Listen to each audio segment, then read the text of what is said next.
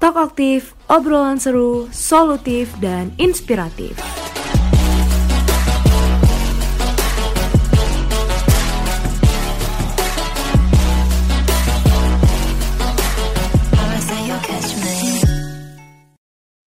Assalamualaikum warahmatullahi wabarakatuh. Mantap saudara-saudara. Kembali lagi dengan podcast Eko Talks, Talk Aktif, BEM FBUB Nah pertama-tama mungkin perkenalan dulu lah ya Oke perkenalkan Namaku Sukoco Freditama Yuda Biasa dipanggil Sukoco Yang saat ini akan menjadi aktif host Yang akan menemani kalian dalam jalannya podcast kali ini Nah udah penasaran bukan aku di sini bakal bahas apaan? Aku di sini bakal membahas mengenai zero emissions or zero human life. Wah, apa tuh, Cok? Menarik bukan? Ya, menarik lah orang podcast BEM FBUB ya kan. Nah, tapi tetap aja sih kalau semisal bahasanya sendiri juga nggak asik lah. Nah, oleh karena itu, kali ini aku bakal ditemenin sama tamu spesial nih. Ya, silakan untuk bintang tamu kita hari ini dipersilahkan.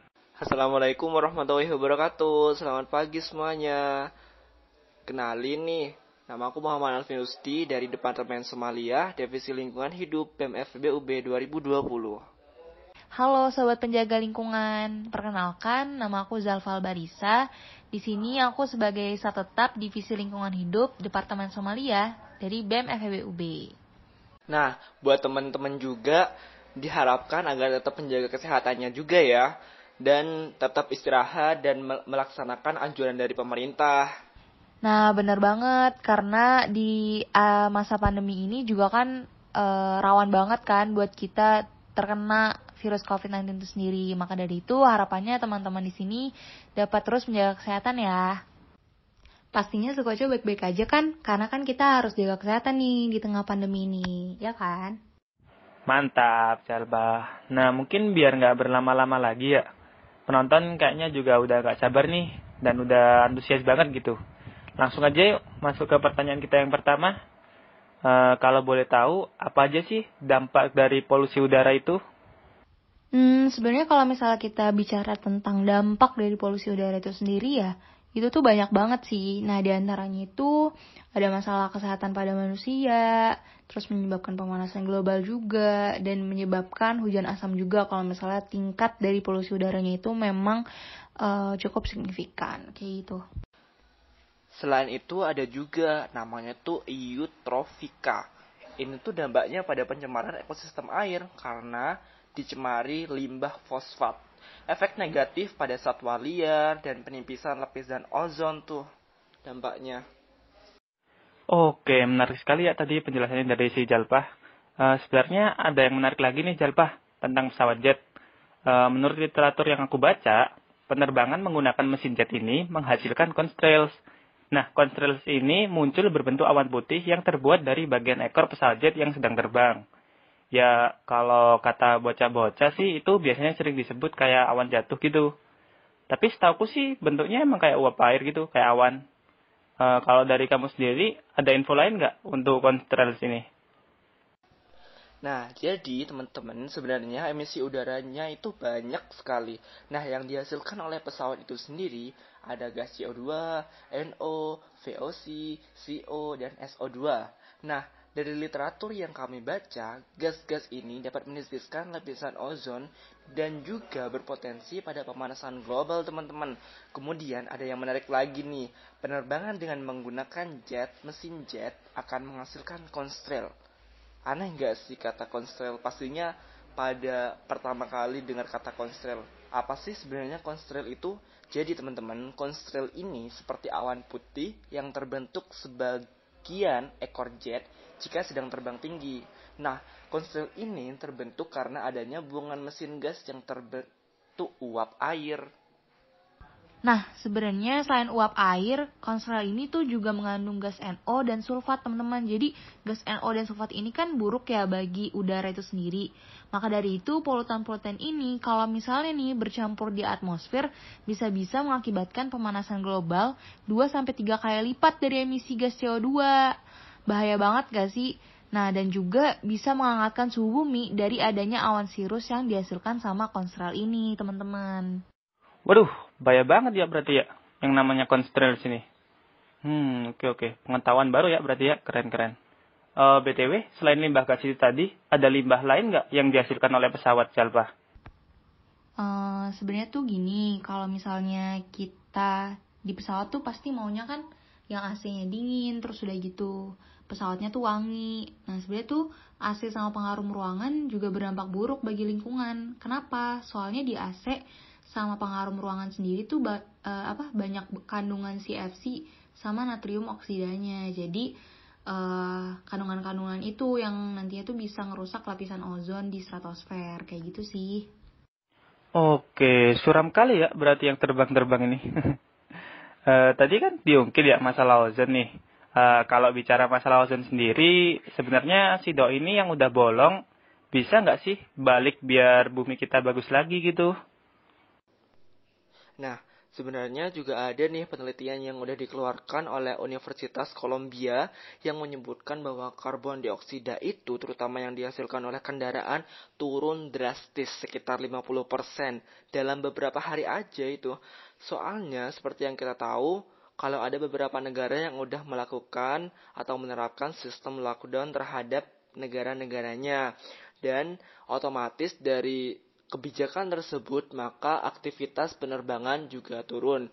Dan dari itu juga, maka emisi gas yang dihasilkan oleh penerbangan juga akan turun. Nah, ada sedikit info juga nih, kalau misalnya uh, foto satelit yang diambil oleh NASA itu membuktikan bahwa terjadi perbedaan yang sangat signifikan terhadap lapisan ozon ini sendiri.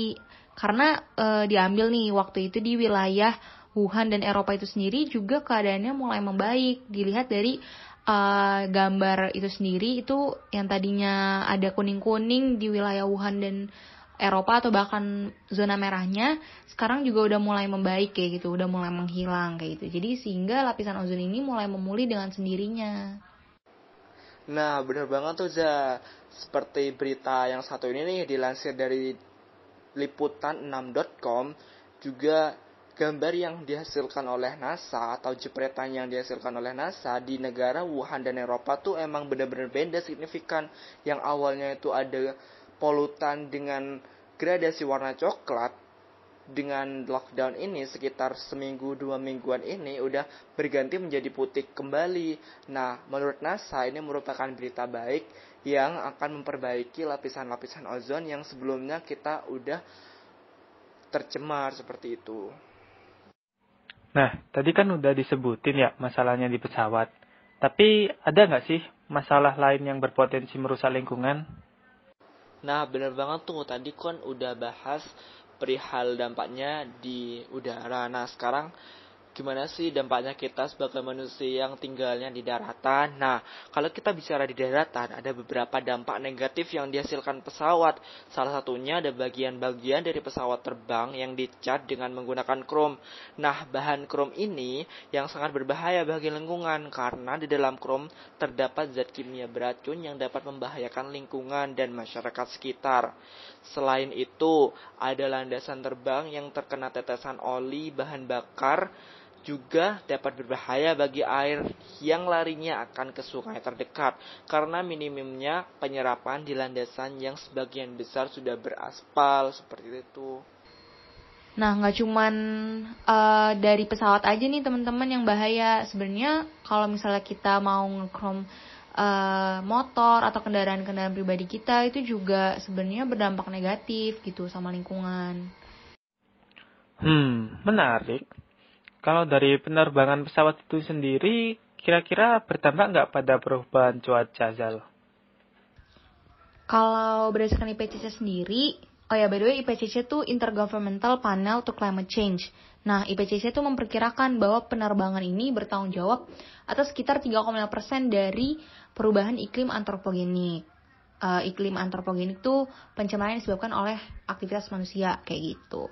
Nah, IPPC juga udah memprediksi kalau misalnya di tahun 2050 nih bisa-bisa uh, pertumbuhannya tuh sampai 5% uh, dari akibat uh, polusi yang disebabkan oleh penerbangan. Walaupun sih sebenarnya uh, prediksi tertingginya tuh 15% gitu kalau di tahun 2050 nanti. Makanya ini kan perlu ya diambil tindakan supaya nggak melonjak semakin tinggi kayak gitu.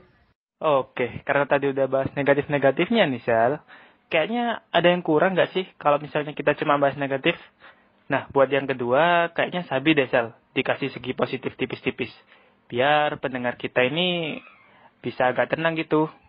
Tapi bukan positif corona ya, Jal. Iya, iya, iya, iya. Nah, untuk solusinya, yang pertama pemerintah bisa lebih mengencarkan lagi terkait bendera ramah lingkungan. Kalau kita bicara ini, sebenarnya sudah ada nih percontohan bandara yang ramah lingkungan, seperti Bandara Solo Adi Sumarmo.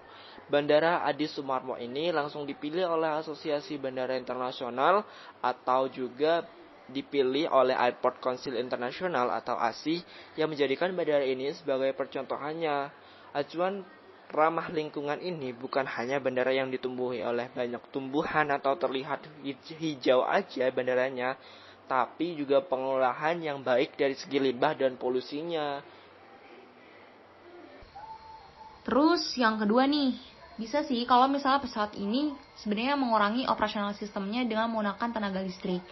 Uh, kan tadi kan biasanya pesawat tuh pakai bahan bakar fosil ya. Nah, sekarang pakai tenaga listrik karena supaya lebih meminimalisir juga nih bahan bakar fosil yang nantinya terpakai kayak gitu. Uh. Wah, gak kerasa nih Zalpa. Podcast Eco Talks bersama taktik kita udah mau selesai. Nah, tapi sebelum bubar, mungkin sabilah ya kita sapa fans-fans kita dulu ya. Oh iya, makasih banyak ya buat uh, para pendengar, buat teman-teman semua yang udah luangin waktunya buat dengerin podcast Talks hari ini bersama Talk Active. Thank you. Iya, sama-sama teman-teman yang udah stay tune dari tadi dengerin Talk Active dari BMFBUB. Bye-bye. Oh iya Alpin. Nah, mungkin di sesi terakhir bisa ditutup dengan jargon gitu ya Alpin ya? Oke, langsung aja. Udah siap kan Alpin? Talk aktif. Bersuara demi lingkungan lestari. Nice. Nah, untuk teman-teman, makasih ya udah mau dengerin. Dan tunggu kita di Eco Talk X Aktif selanjutnya. Dadah.